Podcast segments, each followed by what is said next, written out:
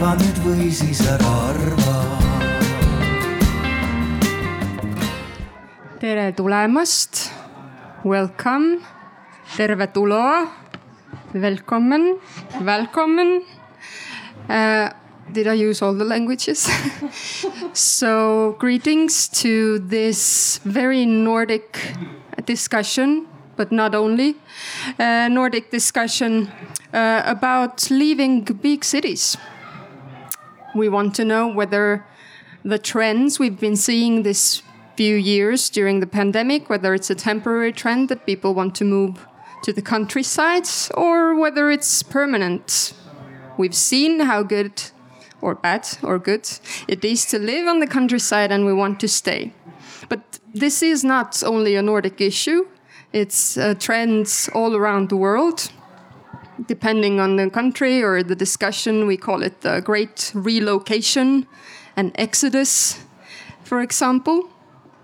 Um, and we want to we want to discuss today together with you whether this remote office trend has brought a larger change in how people choose where they want to live and how they want to live. Is it a new normalcy? To whom is it a new normalcy? And how is it a new normalcy? Or we, will we be moving back into the big cities uh, in a matter of years after the pandemic? We have uh, together with us a few panelists.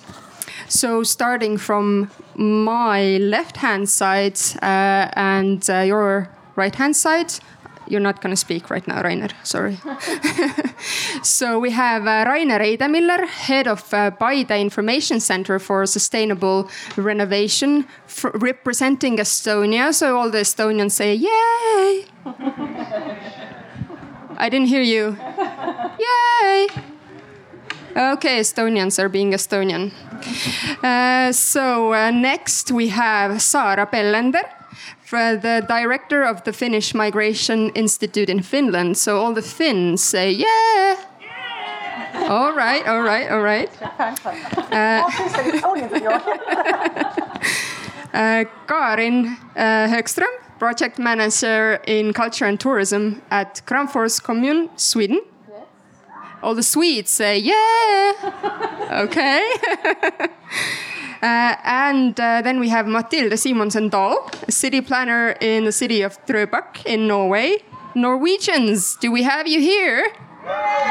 Okay. Oh, quite many. So, uh, who is not from Estonia Finland, Sweden, or Norway, say yeah. yeah.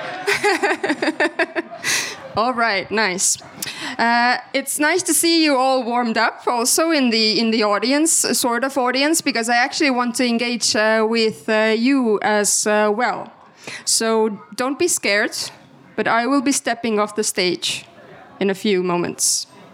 And I want to ask uh, a couple of questions uh, from you as well. And, and the first question I want to ask from you, don't worry, I won't be attacking you with a microphone. Uh, but the first question I want to ask from you is if you think about the, the start of the pandemic and where you lived before the pandemic, did you move away from your that location before the pandemic to a countryside location, for example. So, did you move away from the big city? If you did move away, please stand up and move to that side. And if you did not move away and stayed living where you were living before, please move to this side. Thank you. So, did you make a move during the pandemic that you were like you could wo work remotely? So you did make made the choice to move away from the city from your uh, from your work. Okay, so you did move and you didn't move. Interesting. Why are we discussing discussing this leaving big cities thing if you did not move? Okay. Um, so you guys moved during the pandemic. Um, have you made this move permanent? Who made the move permanent, raise your, raise your hand. So you are still living outside the big city. Okay? Now, who here who didn't move during the pandemic would have wanted to move but couldn't afford it, for example? Okay, so I see a hand, another hand. So a couple of people would have wanted to move, but it was really okay where you were living before. Okay. Okay, so now the next question is a bit more difficult. So please pay attention. We're going to make like a scale. So number zero is is where that number 15 is at the moment. Okay, number zero. And uh, number 100 well, we don't know what the number uh, will be in the end, but the higher numbers are up the hill. Okay? And now you're going to have to talk to each other. I know it's a very un Nordic thing to do, but you're going to have to talk to each other because the question is, and I want you to put yourself on a scale here from zero to higher up. What is the longest distance in kilometers that you would be willing to move away from a big city? What is the longest distance that you would be willing to move away from the big city? in kilometers. So if you say zero kilometers, I'm not moving away from my city, I'm staying there forever. Then you go on to this side, and then you're gonna have to talk to each other. Oh, for me, it's like five kilometers. Oh, for me, it's 15. Okay, then you're on this side, okay? So put yourself on a straight line, okay? permanently or Mm, let's say perma- yeah, permanently. City centre from the. Let's say from your job. Oh, for my job. Yeah, from your job. If you if you want like a specific point from where. But it's not a test. However you understand this question, it's okay. Don't worry. Artistic interpretations are. Oh, Well, in Estonia, the big city is Tallinn, with Mine doesn't count as a big city. Pärnu is like a medium-sized city. How about uh, move from Tallinn to here to Paide? That's that, that direction, yeah? Yep. I don't know how many kilometers is it. Okay. So here are city city people, kind of, kind of. Ten kilometers.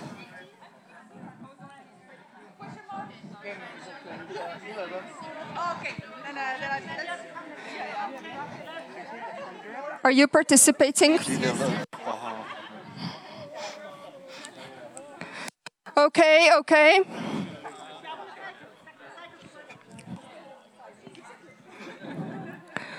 Okay, just uh, yell at me. How many kilometers would you move away?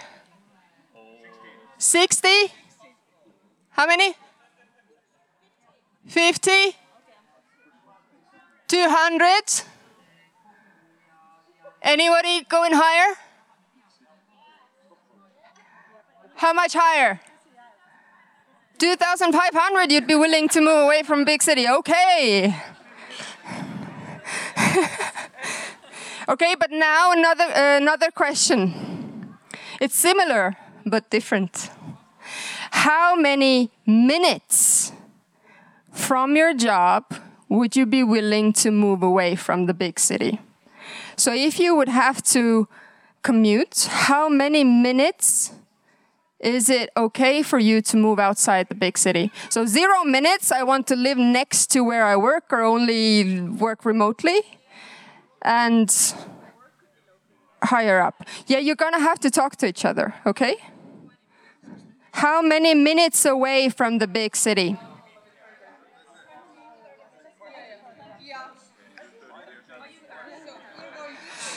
Services. Consider services then. You go to the store.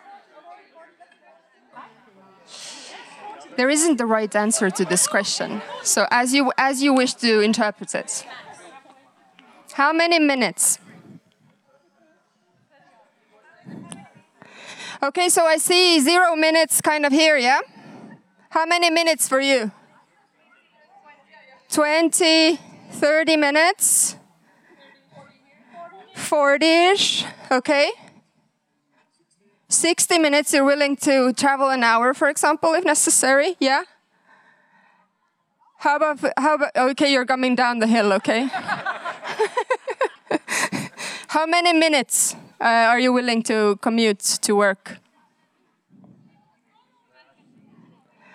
I, I was asking a shorter answer. Don't be a politician. How many minutes? How many minutes, Seymar? How many minutes, Seymar? Two hours. Okay, we got it. Thank you. So we have like different we have different preferences. And I already heard so many questions, but what about this? But what if I do this? And what if I do this? But let's keep this in mind when we're having this discussion uh, about leaving big cities. So thank you for participating in this exercise. Can I have my panelists back? And you also can uh, take a seat. But don't worry, I won't leave you completely alone for the next period of time. Because, uh, yes, I will be asking questions from these uh, experts and community leaders uh, on the stage as well, but you can also participate in this discussion. I will offer the mic into the, I don't want to call you the audience, the part, uh, into the participation field uh, also uh, during this uh, discussion. Okay, but to warm us uh, all up on the stage and to paint kind of a picture about this, these four countries uh, represented on the stage, let's first go one by one. And, um, and let's, let's start with Norway. So um, you are uh, working in Drøbak. I've been told that it looks like, a lot like Kuressaare, so Estonians can like visualize uh, this uh, this city. Uh, how was it during the pandemic? It's an hour. I've also been told it's an hour uh, from Oslo. So, did a lot of people, for example, move to Drøbak? Uh, during the pandemic, or did they go further away, or what was the trend in in Norway during the pandemic uh, regarding this this moving around? Well, it is very interesting because it is it's been well we do closer closer. we do see a trend, although it's a short time span, so it's very hard to be very scientific about it. But we do see a trend, and it's been rather stable until the pandemic. That uh, Oslo, the capital, is the pressure area and has most people moving into into Oslo. Uh, but during the pandemic, we do see a tendency that people are moving. That people are moving out of the city, and but they're, they're not moving far they're moving to the nearest, uh, well, nearest outskirts, nearest periphery. And is sited within that near periphery. Um, and I'd, I'd, rather say half an hour by car uh, from the city center. Um, and this is a tendency that we see both in 2000 and 2001 and it's very interesting to see whether uh, that is going to be more permanent or not. Mm. Okay. Uh, so now let's hop to uh, to Sweden. Mm-hmm.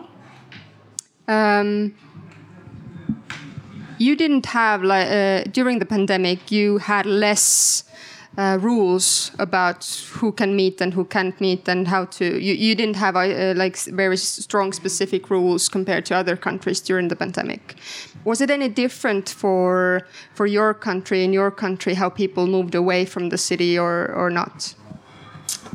Um, the restrictions were quite hard in Sweden as well, at least at the end. Maybe we were slow in the start, but um, uh, those who could work from home did work from home.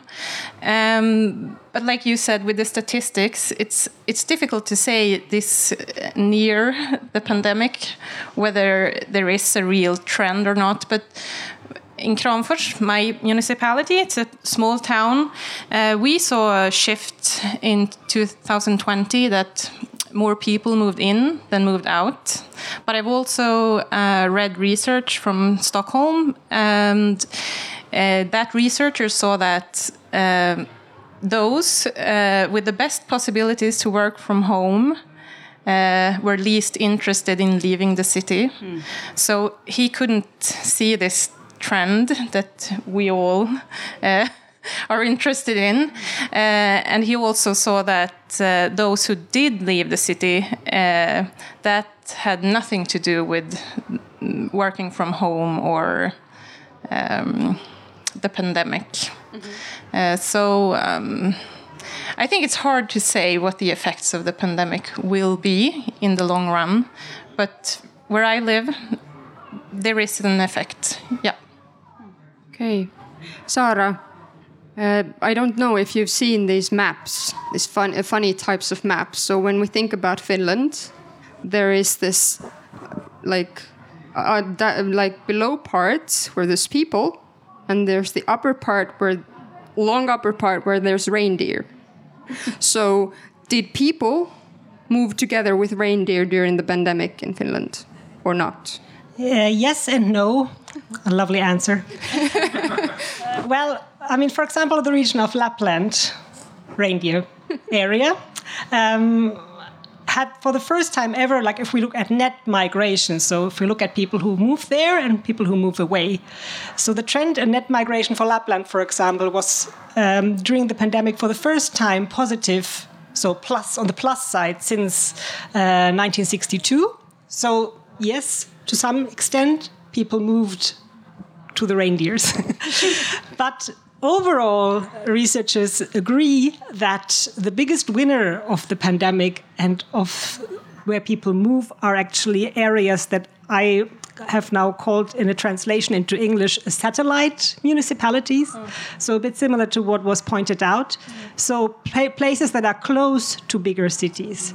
So most people, when they moved out of the bigger cities, it's not the countryside. Because I think now, in the also the theme of the panel, we're talking about cities and countryside. But I think what we probably need to add is this extra layer that is not countryside and not city, but that is a smaller town close to the bigger cities. And this is where most people have moved during the pandemic and who have been biggest winners. Um, and I agree with what with, with what has been said. Actually, the fact that people want to move outside of the city center, this trend has been ongoing already before the pandemic. There was a questionnaire where people were asked if they would rather move, live in a smaller apartment in the center or in a bigger apartment further away. In 2017 and 2020, at the beginning of the year before pandemic, and already then we saw a really strong trend that people would rather have a bigger apartment and live a bit further away than a smaller one in the center. And this this kind of shift in thinking started before the pandemic. So I think the pandemic has changed some things, but also certain trends are not only related to that. So Rainer, uh, the the time that it takes to get from Tallinn to Paide has shortened a lot because there have been new roads constructed and so on. And and Paide is not a forest; it's not a rural area. Uh, but it is isn't a big city. Uh, what kind of trends have you noticed uh, in your community during these past few years? Well, I think because the main trend is to move from small places to big places here, like from Paide to Tallinn, because it's so close. So it's easy to notice if something changes. And uh, I think it, it happened already before the COVID, because there was a trend, another trend, that some people, uh, say it, community-minded young families, young people, they actually search the ways to find a new place in smaller towns also smaller towns, not not necessarily in the forest. And uh, during the COVID, I think uh, uh, I, I, think even more people try to find a to buy a real estate, for example, here. But it's also difficult to say if it's uh, really a trend or well, just trying to find something outside of Tallinn. Mm. And it's I'm not sure if they wanted to come and stay here or just to buy a property and go to go to work in Tallinn because it's so close. It's possible to do it. Hmm. But uh, I think there is a small trend that that more and more people they, they try to find a way to come to smaller places. the the kind of in, inspiration for this this discussion came from the the thought and, and and what we've noticed is that during the pandemic, who could work remotely and who had the the property, the country house or another apartment in a small town, they made the choice to move away from from the city.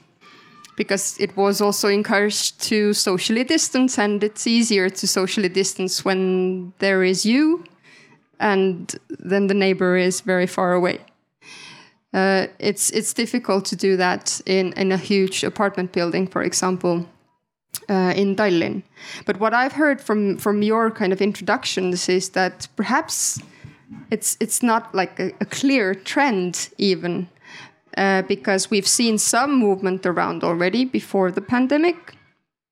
And we can't say that all the people uh, or like who wanted when we did also this very short um, division of uh, experiences here as well. Most of the people didn't move actually away from their original place. Of course this might be also due to the fact that you already live outside a big city and do this pendulum traveling every day anyway or work remotely uh, because you can. Uh, but we're still we're discussing this this question whether it's a trend and whether it's temporary or permanent. So we kind of seem to be wanting this move to happen. Why do we want people to move away from big cities and back to communities?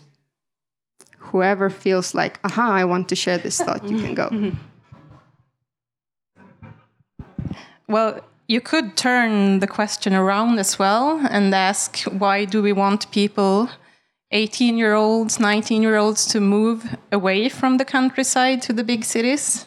Um, maybe that would be more fair in a sense. But of course, it's a. Um, in northern Sweden, uh, there's a great expansion of industry, so there's like a lot of job opportunities at the moment.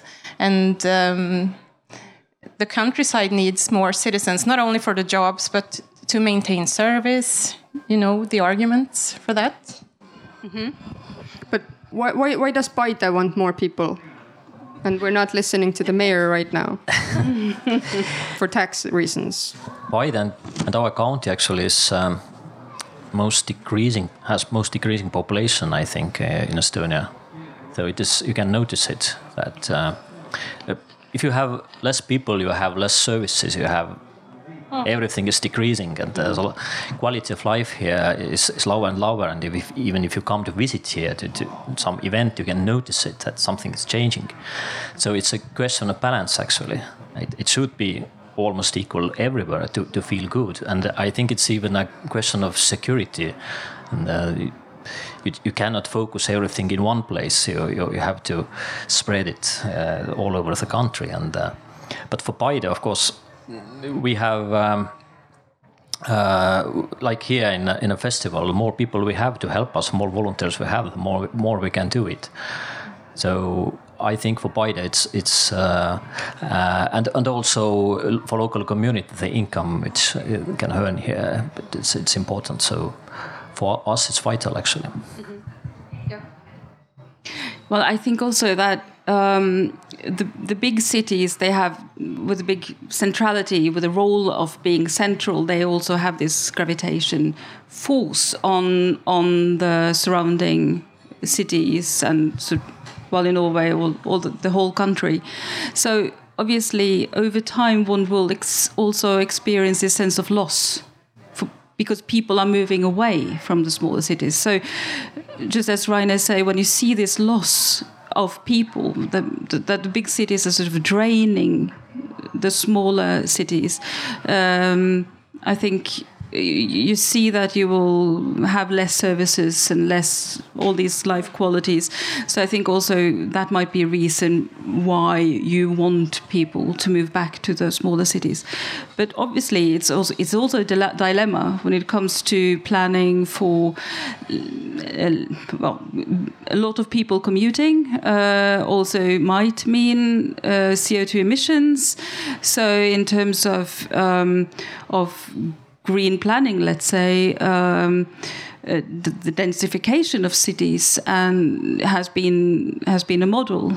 Um, and I think I think we have to see this dilemma of having people moving out of the of the larger cities and occupying a bigger mainland and having this dream of a big garden, a big property. What does that mean when it comes to green planning? I think that is a dilemma that we also need to address.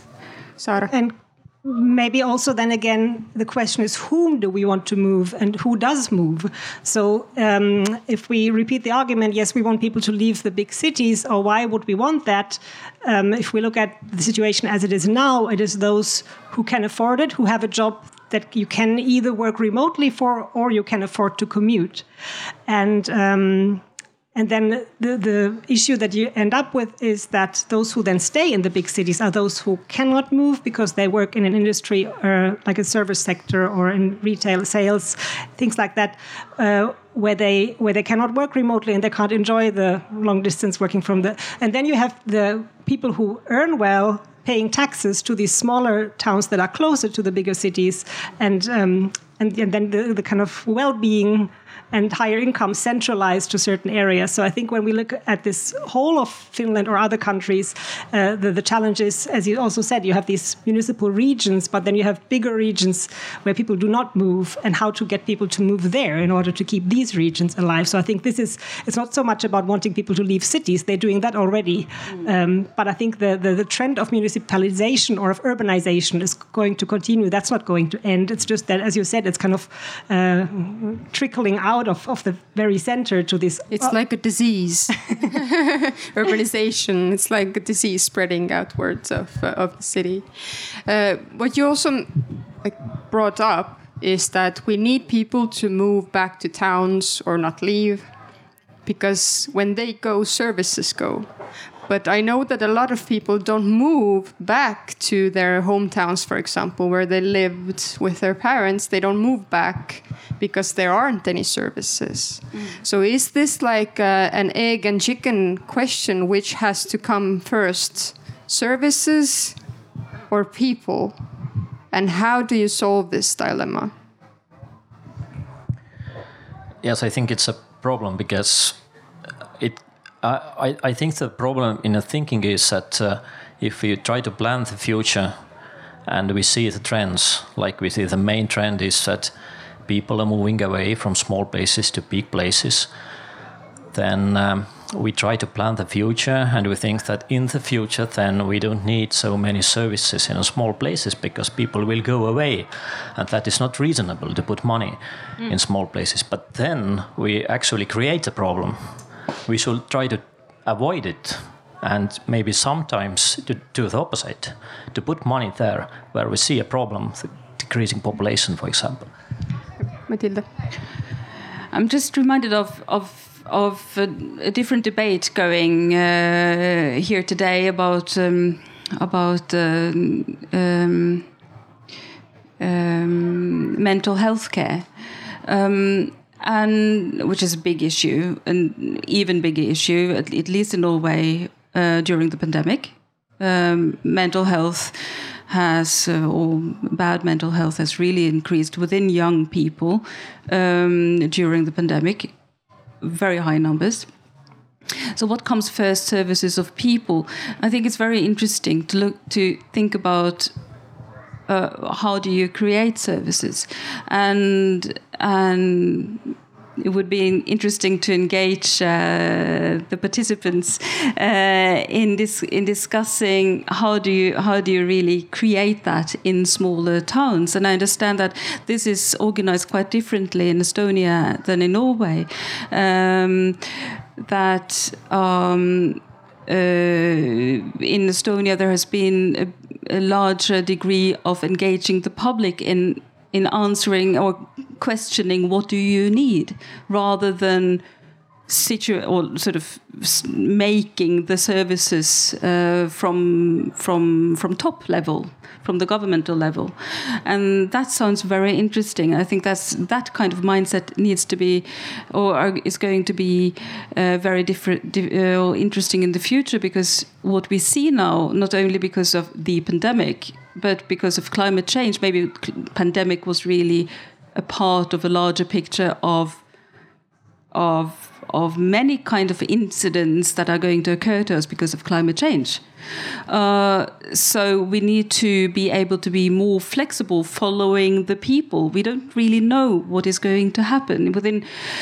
Um, infrastructural planning today uh, in Norway, we are revising this big national plan for infrastructure. And what does it say in the introduction of this plan? um, National Transportplan, uh, we don't know what types of roads, sizes of roads, scales of roads, uh, or infrastructure that is relevant within 10 years' time. Think about how, long, how many years does it take to plan a road and or to build a road from planning to actually building a road? It's more than 10 years at least in norway. So um, we need to follow the people ask those questions. What do people need and and be able to be flexible about the systems flexible about the services the scale of the services. It can, of course, be that people, like ordinary people, shouldn't be responsible for thinking ahead 30 years. That should be the responsibility of people making decisions to ask the right questions.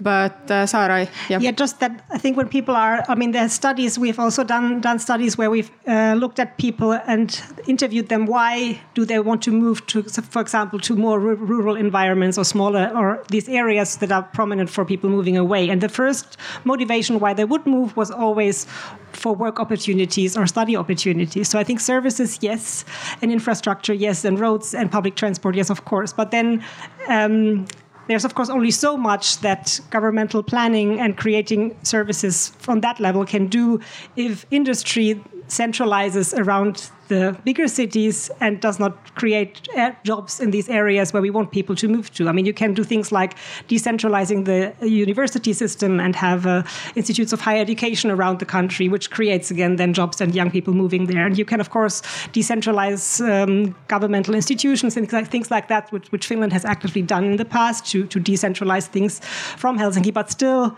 if we look at the, the private sector, there, of course, you want small um, transportations, and you wouldn't uh, choose to go to a location that's so far away that you have to pay more for transporting your goods, your people, your infrastructure, and and that is of course a trend that is difficult to only steer through politics. Or if you would, then you would have to have really strong political influence on the private sector, which we at least currently do not have. So I think this is also a question of what comes first, services or people. Then it's also what comes first, services or jobs. Or uh, what the United States kind of has seen in trends is that during the pandemic years, some large companies moved away from California, for example, uh, to more rural areas because the taxing system was cheaper also. So perhaps there is like one incentive to make job creation easier outside uh, big cities. But you wanted to add also something. Yes, I, uh, we can see that um, when services disappear, um, this forces people, associations, the community to become more creative. Like uh, maybe you have to run a store together with your neighbors because the big supermarket closed, or you have to take care of the soccer field because there's not enough money in the municipality's administration.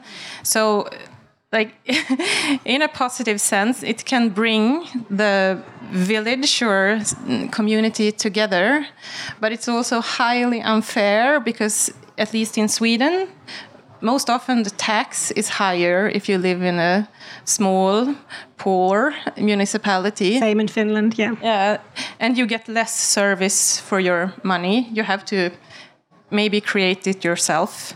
Uh, while in the big city everything just comes to you and you pay less for it.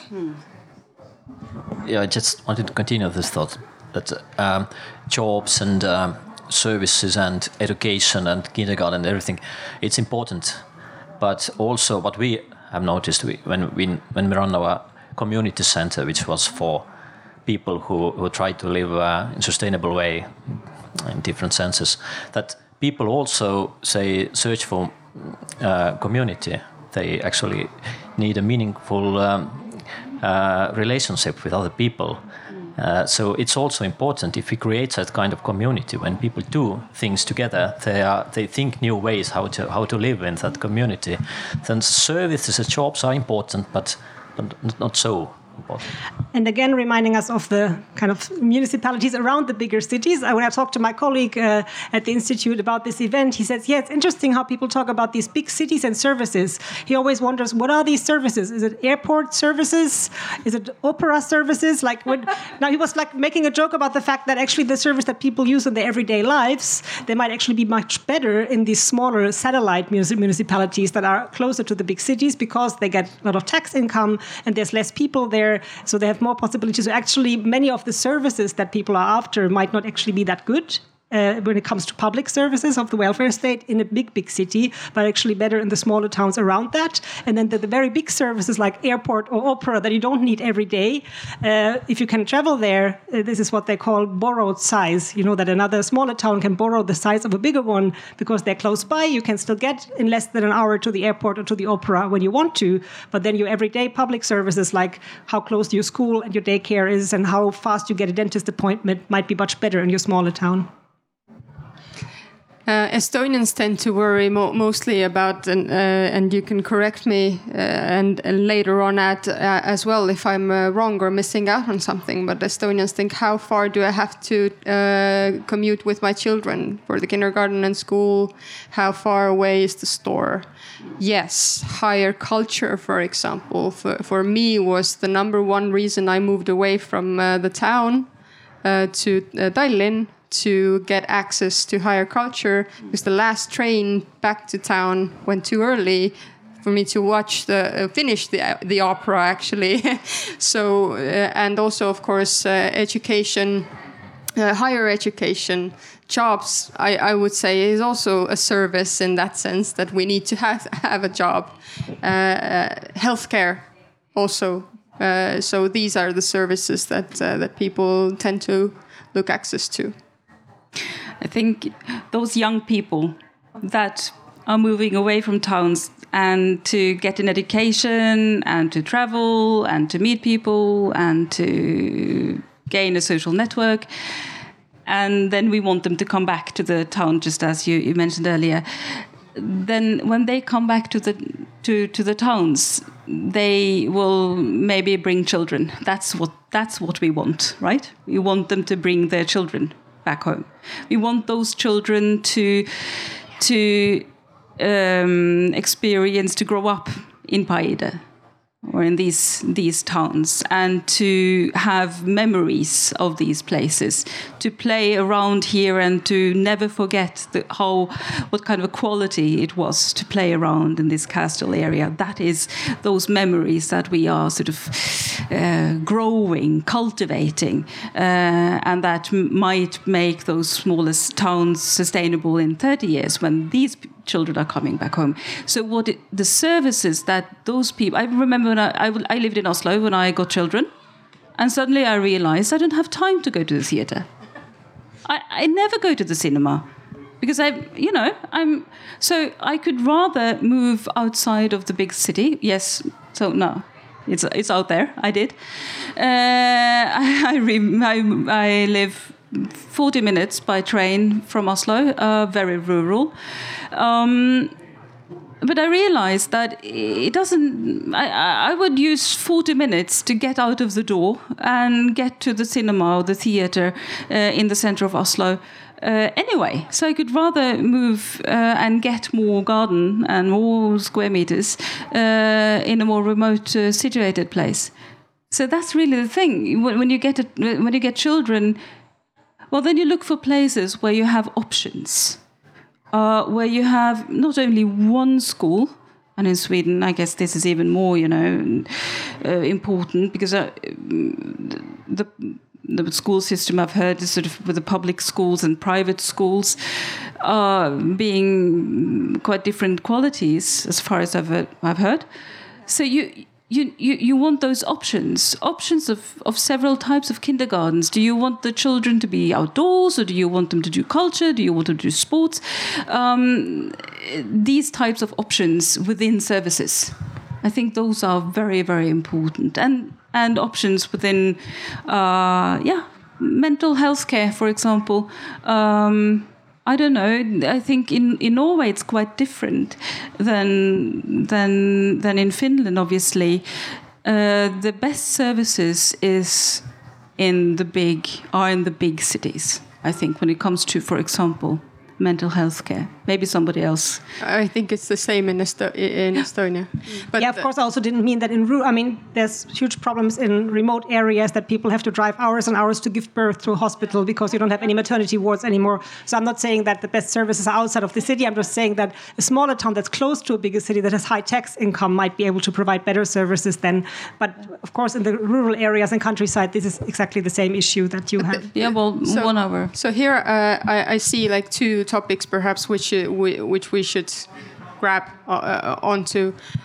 One question is who do we want to migrate back and who can we expect to migrate back to uh, the towns and, and rural areas if if uh, I, I we've had this discussion also that it, the trend seems to be similar in Norway and in Estonia as well that there's like a, uh, there is a lack of brides in uh, in uh, rural areas.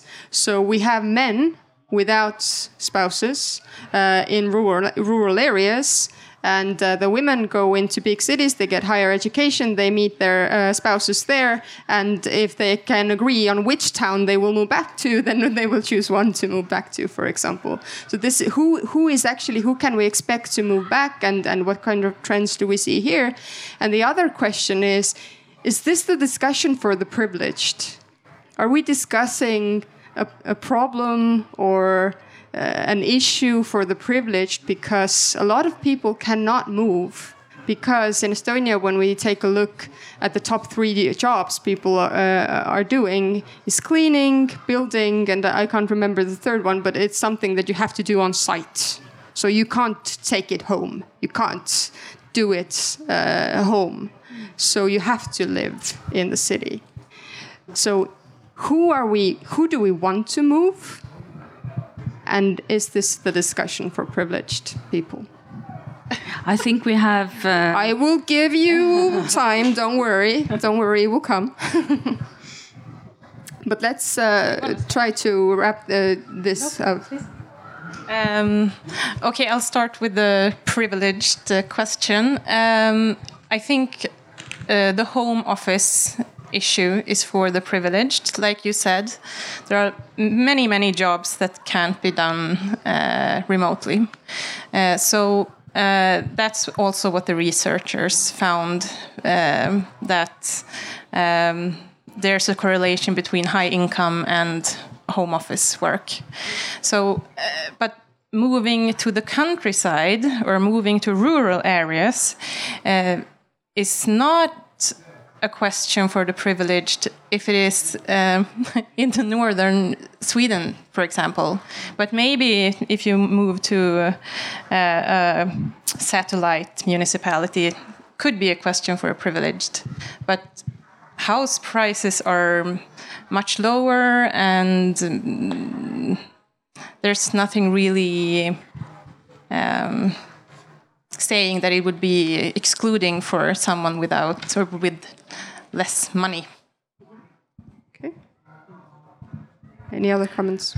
So what is actually happening is that I think, uh, for example, older people they leave from Tallinn to Paide, Paide because it is uh, cheaper to live here. You can sell your uh, apartment in Tallinn, get good money to buy here something better, and it is quiet environment. And I even know many people from Finland came here to Paide to live because it's cheaper and and and um, good environment. then younger people, as I said, who want a different lifestyle. Not all young people, but and they they they actually are able to create jobs and to, to to do their own business here, for example. And this is, I think, that kind of people what we need here who are active, who participate in local life, because they can also come here to buy a flat sleep here and go to work in Tallinn because it's in the future maybe 45 minutes to drive from Paide to Tallinn. But but then we don't win uh, very much from this because if they don't participate in local life, then it's still the same. The streets are empty in the evening, and we don't have cafes in in, in the center square.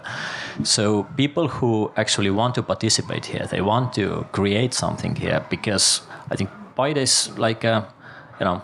Uh, empty white uh, uh, place because you can do here whatever you want to do. All possibilities are here. So this is uh, opportunity for that kind of maybe brave people. Yeah, I think it's a privileged discussion and also regionally differs so much. For example, Helsinki was leading the statistic on remote work already before the pandemic, and the growth in how many people do remote work um, in the Helsinki, Helsinki region um, has grown the most, uh, especially in that region. And then in and it has stayed very high. Then in other regions in Finland, their growth was even higher. Let's say in North Karelia, for example, remote work was suddenly, but then after the pandemic, it ended again because the industries that are in these areas are not really suitable in the long run for working remotely. So in a way, I think it's also that um, uh, it's a it's a privileged question because it's less than half of the jobs, for example, in Helsinki that are even suitable for working remotely. And, and also what we discuss very much in Finland is it's a phenomenon called monipaikkaisuus. Uh, the Finnish people here know what I'm talking about. I don't know the translation, but basically multi-sitedness, that you are at several places. And that is also like people are talking, oh, you have your holiday cabin or, or cottage, and people who normally just go there for holidays, they now go there to work from there with their computers and laptops and all that. And again, yes, I mean, who owns? I mean, some people do own these, but it's a certain group that we discuss here. So um, to remember that those who can work remotely, who can suddenly decide to fulfill that dream to move to the countryside, it's a certain population. And um, and another thing, I think, when you asked whom do we want to move, important to remember is, I mean, Helsinki now has lost. Uh, a lot of population in the recent years, um, but what is Helsinki is winning and many other cities like so who do, does move there? Most of them are immigrants people moving outside from Finland to Finland. So I think this is also something we now haven't discussed at all. We're talking about country internal migration. And I mean coming from the Migration Institute where we study all kinds of migration movements I want to remind us that when we speak about migration uh, it is also important to consider people who move from outside. And there I think a lot more can be done because of course people move to come to places where they can work, but they also move to places where they have existing networks, where they know people. And so, for certain communities, if there's already a group of a certain nationality working in a certain sector, that can be a really um, a good incentive to create more jobs and more communities there for people from that area and so on. So, I think when it comes to city planning, regional planning, and, and, and looking in the future, I think also immigration policy is something to really consider. Um, that that is. Uh, central to also kind of regional development. Anything to add?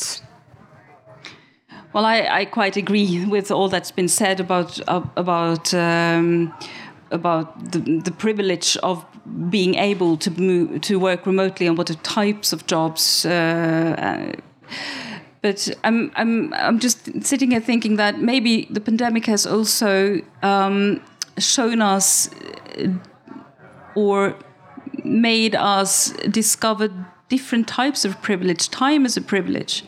So uh, living remotely maybe and gives us time to do different things than when we live in a city. Really gives these options of what do you really want to do with your time. So how do you think about that? I think I think that's also um, well intriguing with uh, with this debate.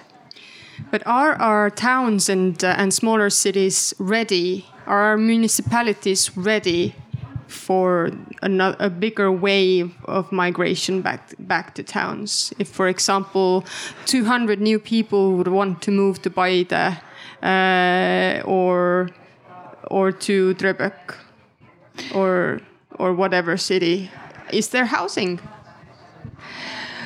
Well, uh, well, that's the dilemma. It depends on who are coming. Okay, we- so we, we- did discuss about families before, that families would be coming back uh, with children, hopefully. So do do do we have housing for those families?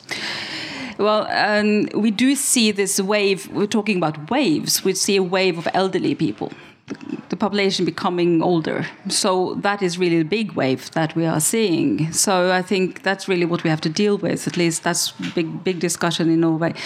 Um, and when it comes to Drøbak, Drøbak has the the privilege uh, of being a small town with a lot of features that that uh, all already gives makes it attractive. So it's close to the sea, to the shore, beaches, um, uh, beautiful scenery with Oslo Fjord. It has. Um, historical preserved uh, old town which in research we see that those kind of features already give the a town a smaller town um, uh, make them attractive um, so the dilemma when it comes to people, a lot of people moving in, if that were the case, uh, if that was the case, then then we see that the dilemma that um, uh, how do we preserve those qualities, the landscape, uh, cultural heritage, that make this place attractive?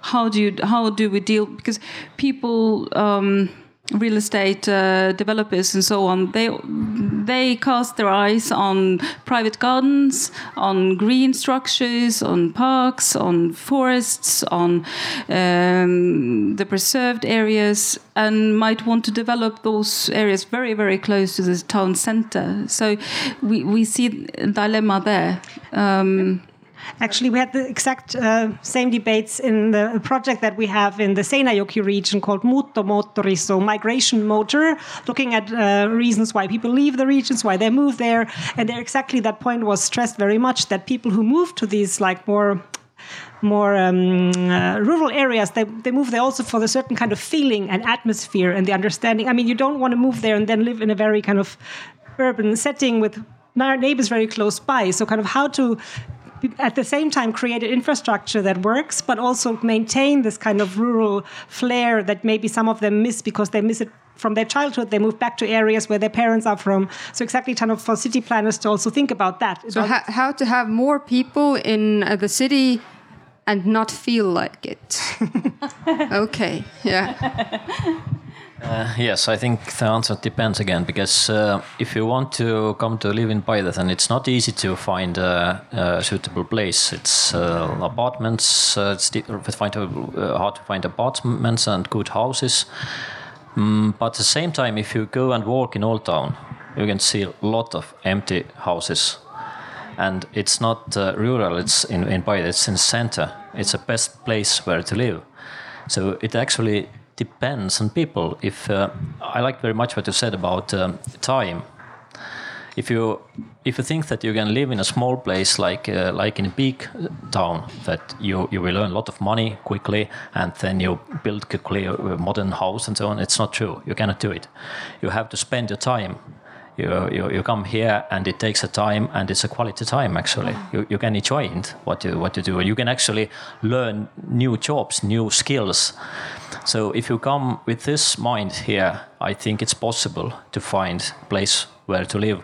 It's not easy because these old buildings are in very bad condition, and I think. Uh, both uh, state and local municipalities they have to think what to do to help people to come to live and buy these places to maybe help with money or with advice i don't know but this is a focus here it, it is a center in the town you cannot leave it empty it is very bad for the town Uh, I will come to comments and questions from you guys uh, very shortly. But you also want to chat something. Yeah, I, I agree, and I recognize the situation very much from my hometown. But I think in Sweden, there's a very common misunderstanding that uh, the rural areas are full of vacant homes. But in fact, there's not a lot on the real estate market. So we do need more attractive homes. Uh, like you said, there are empty, abandoned houses, but those are not the houses that the families from the big city want to move to, if that's the group we are trying to attract. So um, there's also another problem that a lot of people hold on to property for sentimental reasons. Uh, I know there's parts near Finland in Tornedalen. Uh, they say something like, "You can love your region to death." Uh, because you you don't want to move there or live there, but, But you, you also won't give it to, to anyone No. else either. so that's a problem in some regions, and um, not sure what to do about that. Okay, so I know there are impatient comments and questions all in the audience as well. I will be coming to you. So uh, I saw Amar's hand uh, already up, and I know. Oopsie, sorry. And I know there are other ones who want some uh, questions and comments as well. So I don't don't, don't know who to start from. But I will start with women always. Thank you so much, and thank you for a very interesting panel and discussion. First of all, I think we should have some principles, and it's like not like we deciding people to move. People should decide themselves to move, mm. and then when people move to a place, services should follow.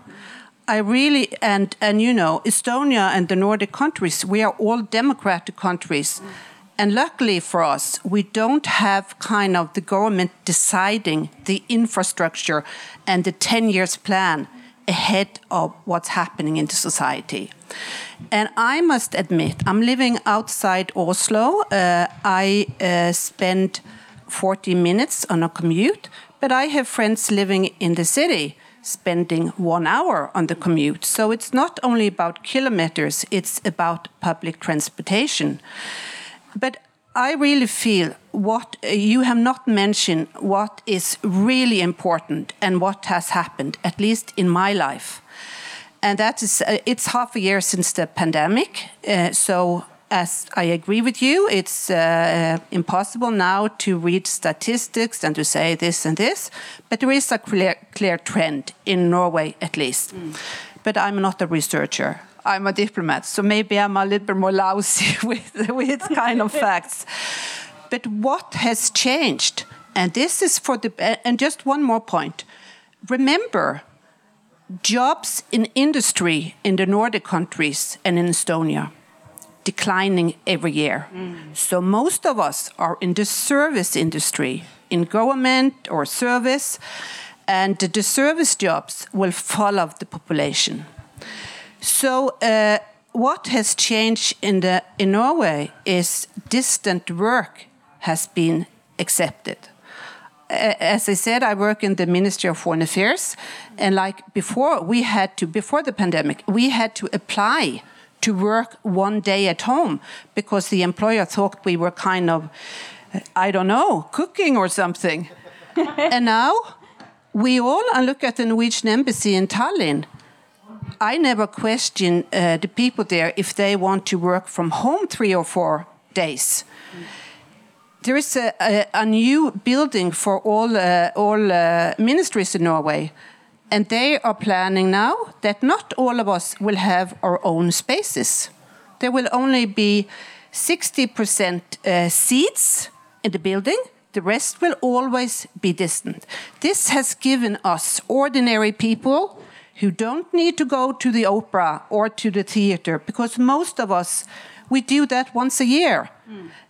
It has given us enormous freedom. And i must say i don't only i regard myself self as a privileged person but i know a lot of not so privileged uh, uh, persons. I don't know what it is if it's nurses or salary or education but there is a feeling of freedom that i can actually move and stay somewhere without going to Oslo every day. So I think this feeling of freedom is just a start, I hope, of, of being, you know, possibility to move out. Uh, and then, you know, all of you will have to to to plan this, and I believe that's a more sustainable development too, because we're using a lot of CO2 emissions in kind of transportation in city, in building, in so much more, and also in, in mental health. So, so maybe that's the future. People will decide themselves where to live and take their, their jobs with them. And not only the privileged, but most people. Hopefully. Yeah, of course, people have to decide themselves where they want to want to live, and what we saw, at least here, that a lot of them didn't want to move even during the pandemic. But uh, it's really good if people have the freedom to do that. You want to comment?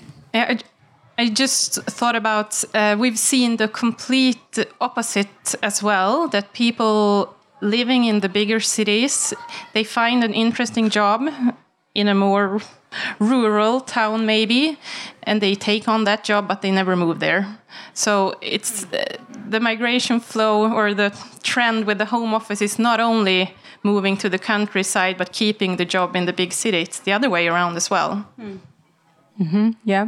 Any other comments or mirrors? Well, well, just to comment that I think s- s- still, I mean, yes, many of what you said is true, but then again, being able to like work, I, I would argue that working in an embassy is quite a privileged job, and that many many other people cannot just decide to work from home. So I think it's still a certain group of the population that we're talking about who are able to choose themselves and say, "I'll stay in and work remotely." And I, it's true that there's a change in uh, also at the Migration Institute. Before we had to apply, to apply and agree, and now it's it's fine to work remotely. And I think that's true. There's a, a change of kind of attitudes also from the employer side, how we see and look at remote work. But still, that's only applicable for a certain sector of the population. Yeah, I, I think it's it's very interesting to be discussing this now because, as you said, it's half a year since the pandemic, and and and already to me at least, it sounds, seems a bit far away. And maybe this is the time when we really need to be awake and seeing the possibilities because now things are changing, but but now we need to really be aware of how we want this change to be happening. And and i quite agree. I think it's it's it's it has changed the work life but we also see there is a Norwegian firm called A-lab, huge uh, architectural firm, um, and and they see that they have during home uh, home office uh, um, time in during the pandemic, they saw that they were less able to win um, competitions, architectural competitions, when they were working from at home.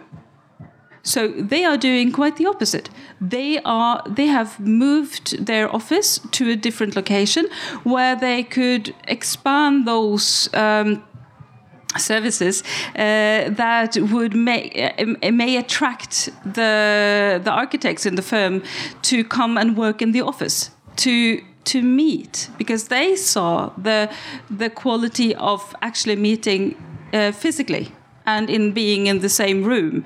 And they want them to do that as much as much as possible.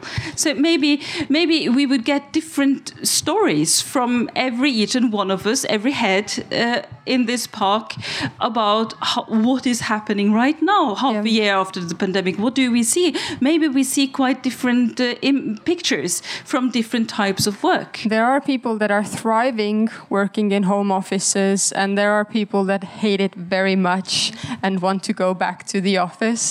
And I know I'm definitely cooking when I'm working from home and doing laundry and everything, but I'm really productive overall.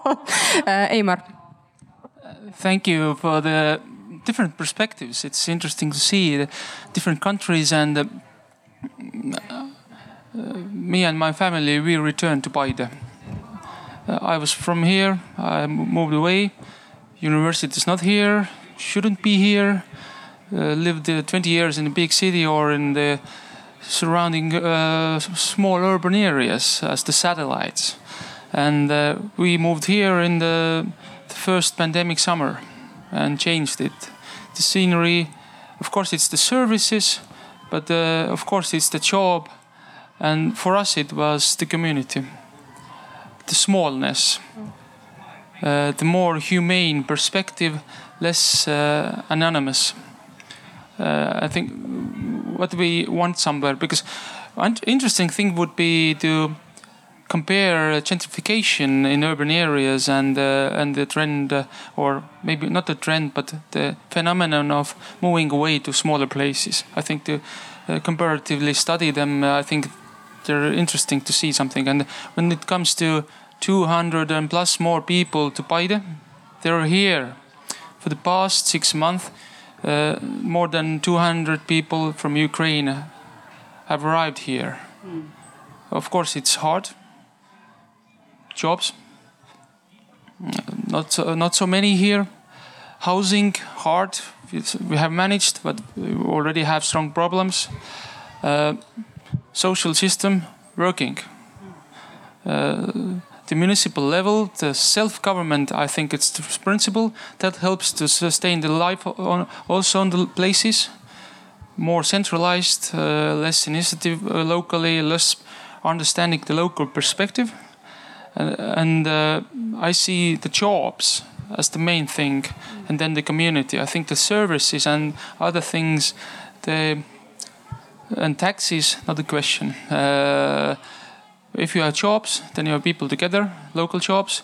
People have time uh, to mingle, civic activism, family time, local business businesses thrive and so on, and the services are there. Because if services tend to move away, then uh, already something has happened, something bad.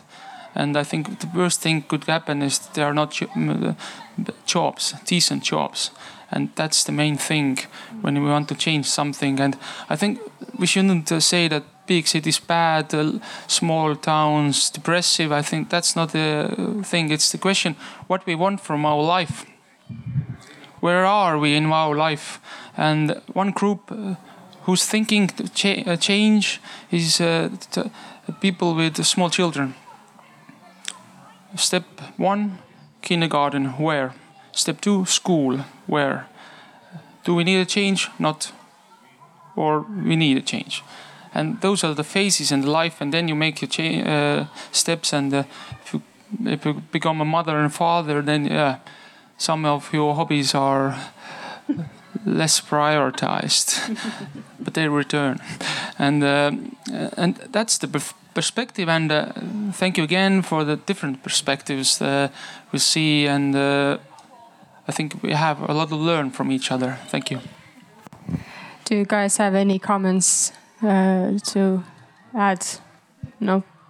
Uh, I can just add something from that research I took part of because they saw that the time that the people working from home in the bigger cities, the time they gained by not having to go into work, they used it to consume and shop. And we haven't really talked about sustainability yet, mm. but that's a perspective. The time you gain in the smaller city, perhaps you you do other things. You engage in Very good. Yeah, yeah. I, I, want to come back to sustainability definitely after uh, a while, but I know there's a question here. Well, thank you guys. It's been really interesting. Uh, a couple of things that some of you have said has kind of hit me. First of all, um, well, I moved 16,000 kilometers during the pandemic. Um, yeah, I moved moved from Melbourne, um, and it was interesting because I worked as a creative director during the pandemic, and our quality in our creative work was gobshite when we worked from home. Home, absolutely atrocious. Um, and then I moved to my father's house in Sweden, and I kind of felt a little bit bad because I can love my community to death because uh, I'm not selling that house. Um, um, but you know, we've lived there for a few months. Uh, but what I see is something that we all tend to look at with favourable eyes, and this this whole topic. And what's what I feel is under communicated is the problems that we see coming I work in the Norwegian Association for Youth Mental Health, and young people's mental health is declining. And I don't think what we see now is going to make that much better. What we see is that what you could call the satellite towns may increase an upswing in people living there. The services will follow, and that the lack of social cohesion in the bigger cities where uh, where the people who are left behind are largely underprivileged people. And um, in the rural areas, the people who are not able to move into the satellite towns or the cities are also largely underprivileged people.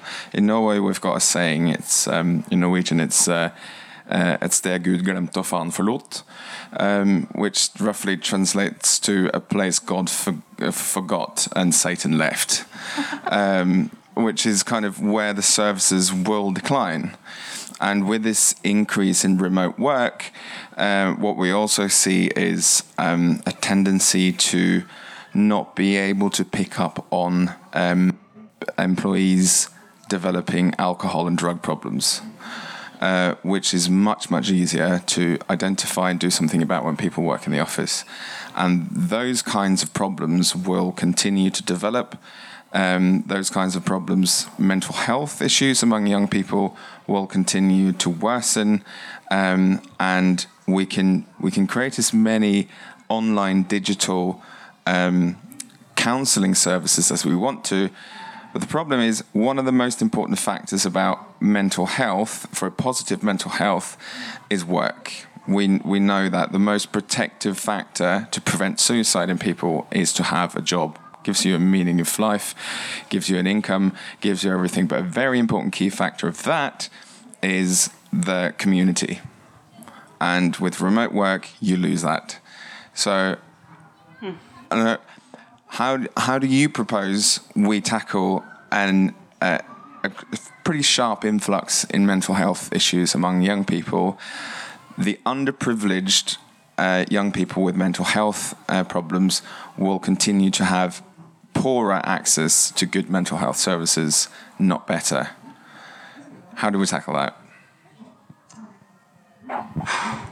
how do we tackle it? I am not. I'm not going to. Well, uh, it's big. That's a big, uh, big issue to taking on. But I am. I'm just, uh, uh just thrown back a bit about how the picture that you're painting because actually, when thinking historically about uh, city and how cities are, are being described, Simmel, Georg Simmel, um, famous sociologist, he would say that you know the the the rural area are the ones that are transparent, and then it's so easy to hide in the big city.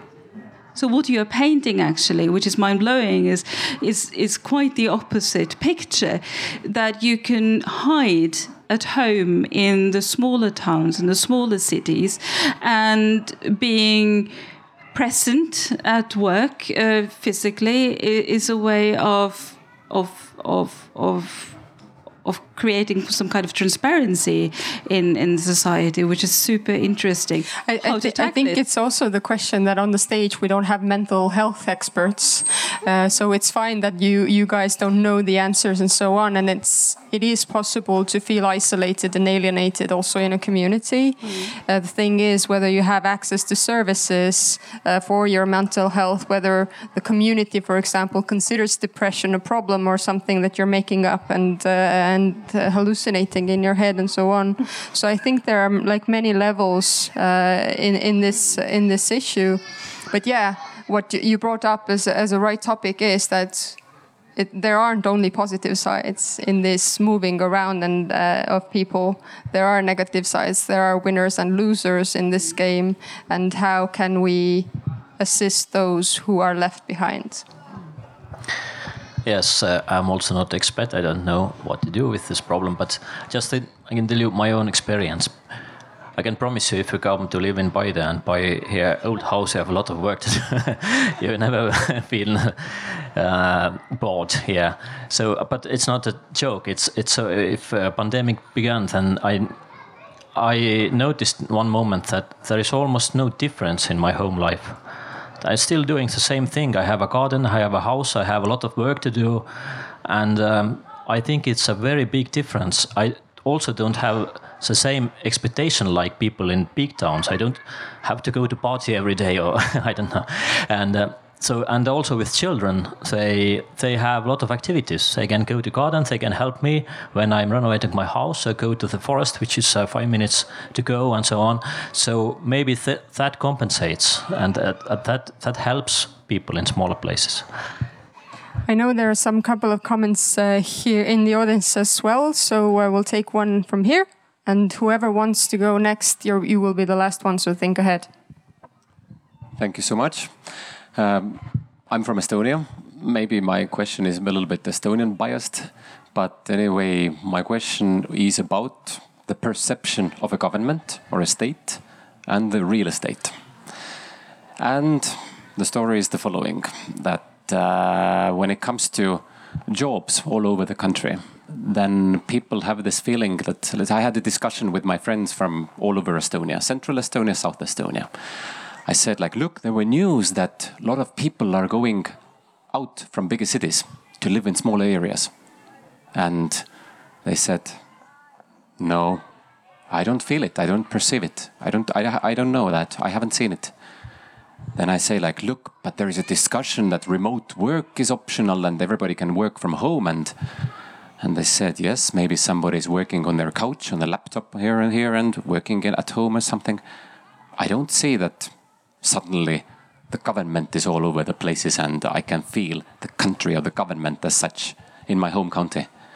And uh, I discussed it with my both of my grandmothers. They are still alive, 85 plus. One of them is from Rapla. And she said, like, basically, the only thing that the smaller places need are the sign or a symbol of a government, public sector as such. If public sector is there, then it means that the country or the government is interested in uh, making the small places survive. And my grandmother said, like, one of the worst decisions. Anyway, my grandmother is a real role model, of course, yeah. but in that, in that sense, like, she has the words of wisdom. She said, like, everywhere she has talked to all the other 85 plus uh, old colleagues or people, like, in uh, when they're in Estonian, it's maavalitsused. What's the best way or to say in English? Basically, the local county, county local county government. government. When these were dismissed, and the decision was like all these jobs are now done from Tallinn, from the ministry. And basically, what happened in Rapla next was that there were lots of jobs gone mm. because of that. Beginning from, I don't know, uh, kind of smaller services ending up with private sector, ending up with bank, the bank office gone, because suddenly there was this perception in the private sector that if the government is not interested in having jobs. And now I'm coming to the real estate business, because real estate in every country is one of the biggest businesses. If there is not an office as such, and there are even all those indirect jobs, beginning from cleaning, ending up with technology, scanners, printers, furniture. And then basically, basically this is what has happened. And my question would be now, and I'm also cite, citing the ex-president of Estonia, Kersti Kaljulaid, who said that uh, Tallinn and the surrounding parishes like Rae, Viimsi, anyway, you don't know all these places, but Rae, Viimsi, Harku, Saue, these have 130% of the GDP compared to the average European Union one. Mm. The rest of Estonia is 60% of the average GDP. When we take out Tartu from there, I don't even want to know the number. I think it will be really terrible, really bad. And uh, basically, we have this thing called in Estonia called First Estonia and the Second Estonia, rich and the poor. And now my question would be, especially to the foreign colleagues here, what would you see? What would could be the governmental role in such? We have talked about the people. We have talked about the jobs where you can easily. Yes, I know I will be finishing very soon. Thank you very much for noting. But uh, when there are all remote jobs, we talked about people what is the government's role to make this government's perception bigger and to make the country as such or the government more visible? Any ideas what has happened in your countries? Thank you. Well, I'll try. Um, the policies from the governmental level, when it comes to centralization and decentralization, let's say, has been very different in in these Nordic countries. Even though we share so much and there are a lot of similarities, these policies have been very different within the different countries. And today, the numbers, this the the ratio that you are drawing out of how many people are living in the city and how many people are living outside, the BNP um, ratio between between those uh, well groups of people is also very different. I I saw the statistics for, for Estonia of twenty um, uh, well, in, in Norway, 20% of people are living in, in urban areas, in big cities. 20%. Whereas in there are uh, 45%, I think, living, or 40% living in, in uh, suburbs and, and smaller towns. And in Estonia, I think the, the numbers are switched obviously this has this this this uh, has a huge impact.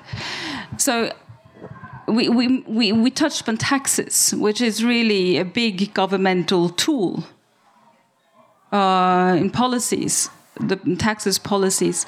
And, and you mentioned earlier that when you live in rural areas or in smaller towns, you're taxed differently, you're taxed higher. In, in Norway, I, I, I can't really say if we're taxed higher, but we do get compensation for, for example, for for for um, for commuting. So me, if I would live, work in Oslo, and live 40 kilometers or 50 kilometers away, I get compensated uh, with less tax for those kilometers that I am commuting those kind of initiatives that give something back to those people that live more remote. I mean, we have people from northern Norway here, and obviously, obviously, there are huge, huge differences uh, between, uh, well, um, between the, the, the far remote places in, in Norway and the more central huge debate, but at least it's debated and it's, it's questioned how you're privileged when you live more centrally than so remote. So one idea to kind of give people the feeling that the state has not left them is is by taxing them differently. Any other ideas uh, from the Nordic countries how how the government is, is showing that we haven't left you behind, we still care about you? Well, uh, I recognize everything you said. In Sweden, uh, we've seen centralization for decades of public administration and public agencies. Uh, where I come from, we've lost hundreds of jobs because they've left. And it spills over on the private industry as well. So uh, it's a it's a problem, and they're. Um, I think they've started to try to compensate uh, the rural areas by moving some. Um, governmental departments or agencies out on the countryside, but it's far from enough and it, it doesn't compensate for all the jobs that have disappeared. Um, so I think the government has to do more in that area, absolutely, and uh, it has bigger effects maybe than they understand. And as a okay, research, yeah. uh, as a researcher, I like to add. Um, uh, what I said also already before, something that Finland has done very strongly is trying to decentralize the university system and the academic system. So many big universities have satellite branches in, in smaller towns. Um, and then they're still part of the big university, but they might be located somewhere else. I know you have the same, and the, the, the same system exists in other, other Nordic countries too. So I think, uh, yeah, jobs and uh, government agencies is one, but education is also a second because that attracts young people. But then, of course, after they graduate, if there's no job, they won't stay. They will come go back to where work is. So, but this is one one step I think to also show that we invest in this area. Mm. We want young people to come here and be here. Mm to sustain a broad academic network, university network, also not, not only academic, but the, uh, what do you call it, um, applied science universities too, of course. So I don't know if it comforts you, but I, I, I have a feeling that uh, they also have similar problems and similar issues than we do uh, and solutions than than we do. So whew, with that, but uh, one uh, final uh, comment or question from uh, from this uh, side, and we have to finish in four four minutes. So please be quick. Yes, thank you. I'm going to be very quick here. Uh, I'm very happy. Thank you. For, th- thank you for all uh, superbly interesting this or that, this everything. Uh, and I'm very very happy to hear that there was uh, this uh, this question raised about the privilege, because it's essential here in one way. And in, in this way, the, the, uh, the this discussion, this this debate, reflects where where we come from we are coming from uh, from the countries where there is lots of nature. There's not that many people that it is that there wouldn't be necessity. When we talk about the privilege, it's it builds on the principle that someone can choose. Mm. But we have to remember that that if we would be living in, a, in in another countries, many of us we have been living in countries where there are so big cities, but you have no choice, and and, and actually then to move or stay. So it is both ways. Now, um, uh, gentrification has been mentioned here in the comments, and for a reason. We think uh, the phenomenon of Airbnbs, people are forced to move because they do not have money. They, they cannot rent anymore, they cannot pay, uh, pay their rent. And this is the infrastructural big problem, which in one way reflects both those ideas that they, we cannot talk about anymore privilege. We, we talk about the necessity when there's no way to choose. And these are the issues that, that we, we in, the, in the Nordic countries, in Estonia as well, when we still have space, we have a quite a lot of choice there. We should also look forward into the future and see the situation when this maybe not is the case anymore. Thank you. And I think this is also a good reminder that we live in a very um, kind of free and um, opportunity rich neighborhood because in many countries there isn't forests or water freely available and not to not to even speak about proper housing uh, because they have to live in whatever they can build at, at that specific moment so in that sense globally we are very privileged people all here but to finish this discussion very uh, well, quite quickly for the kind of final round, I, I do want to come back to sustainability. So, moving uh, to another place needs resources. When we are commuting, it needs gas, bringing services, goods, people needs gas. We need new housing. Perhaps not all of the housing are very CO2 friendly, uh, climate friendly, and so on. To finish this discussion, I think we all kind of would want people to have the choice to move back to rural areas if, if they want to. How can we support it so it would be sustainable also? whoever wants to go first can start. Well, obviously, public transportation so that not everyone would drive their own cars. Uh, also, if that is like a long term goal for certain regions to have better public transportation, then at least carpooling and car sharing and systems like that.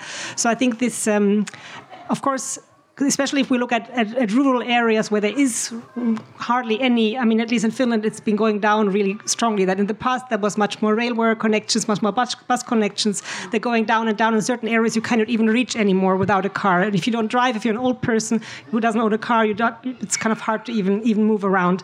So investing in public transportation networks in, in, in these areas would of course be a very central first step. That one, yeah. one of one of them. Yeah, and it is sad that the last bus from Paide leaves in uh, ten minutes back to Tallinn.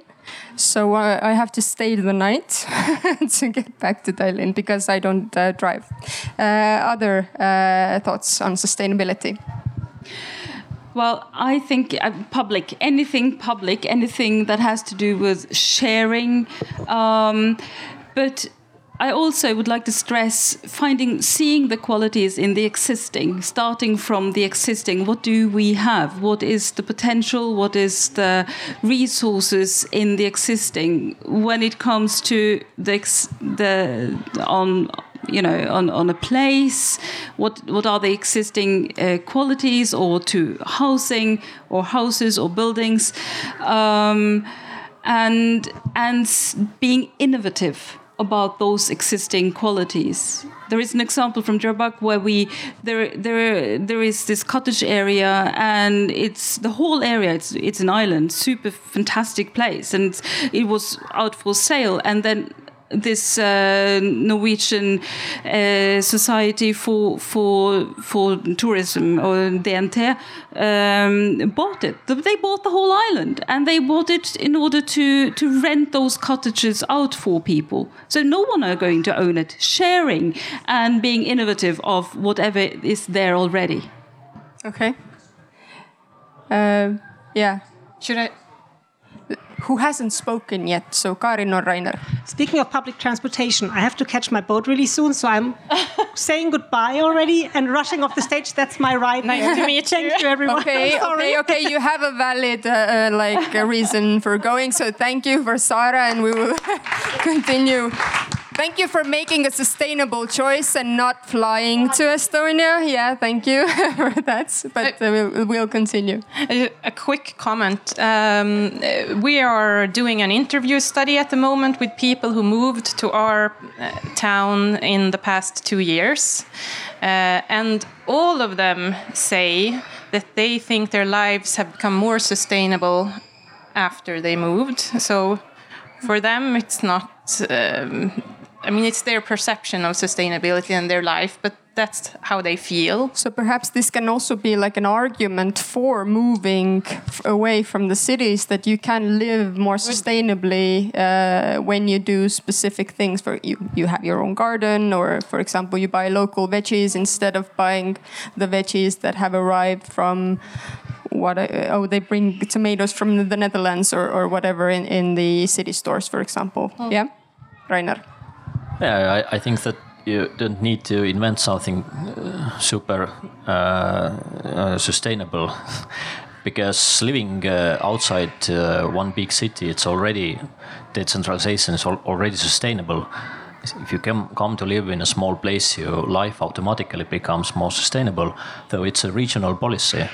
Uh, and it must go not, it, it must not always follow the trends it must sometimes go against the trends. This is not like a business company who follows the money. You have to, if it's a regional policy, it's exactly that you have to bring services, you have to bring a public sector to, to smaller places, decentralize it. And then it's a place where sustainability is. So it's, it's not something very special you have to do. Okay, I uh, we have used up all our time, and uh, you probably want to stretch yourselves, want to like share ideas amongst yourselves and so on. So I want to hear from your sides a round of applause for Rainer from Estonia, for Karin from Sweden, uh, for Matilde from Norway, and also for Saara from Finland, so she could hear it also. So please uh, give her an applause.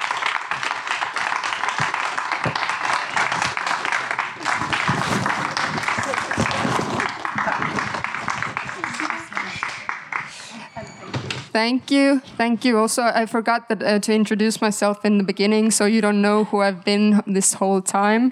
So, uh, my name is Trin. and uh, I'm the, C- uh, the executive director of the Responsible Business Forum in Estonia. So, if you want to know more about responsible business, do please like and subscribe on Facebook. Uh, and uh, have a chat. Thank you all. Uh, please stay, stay sustainable and enjoy this uh, town outside of Tallinn. See you soon.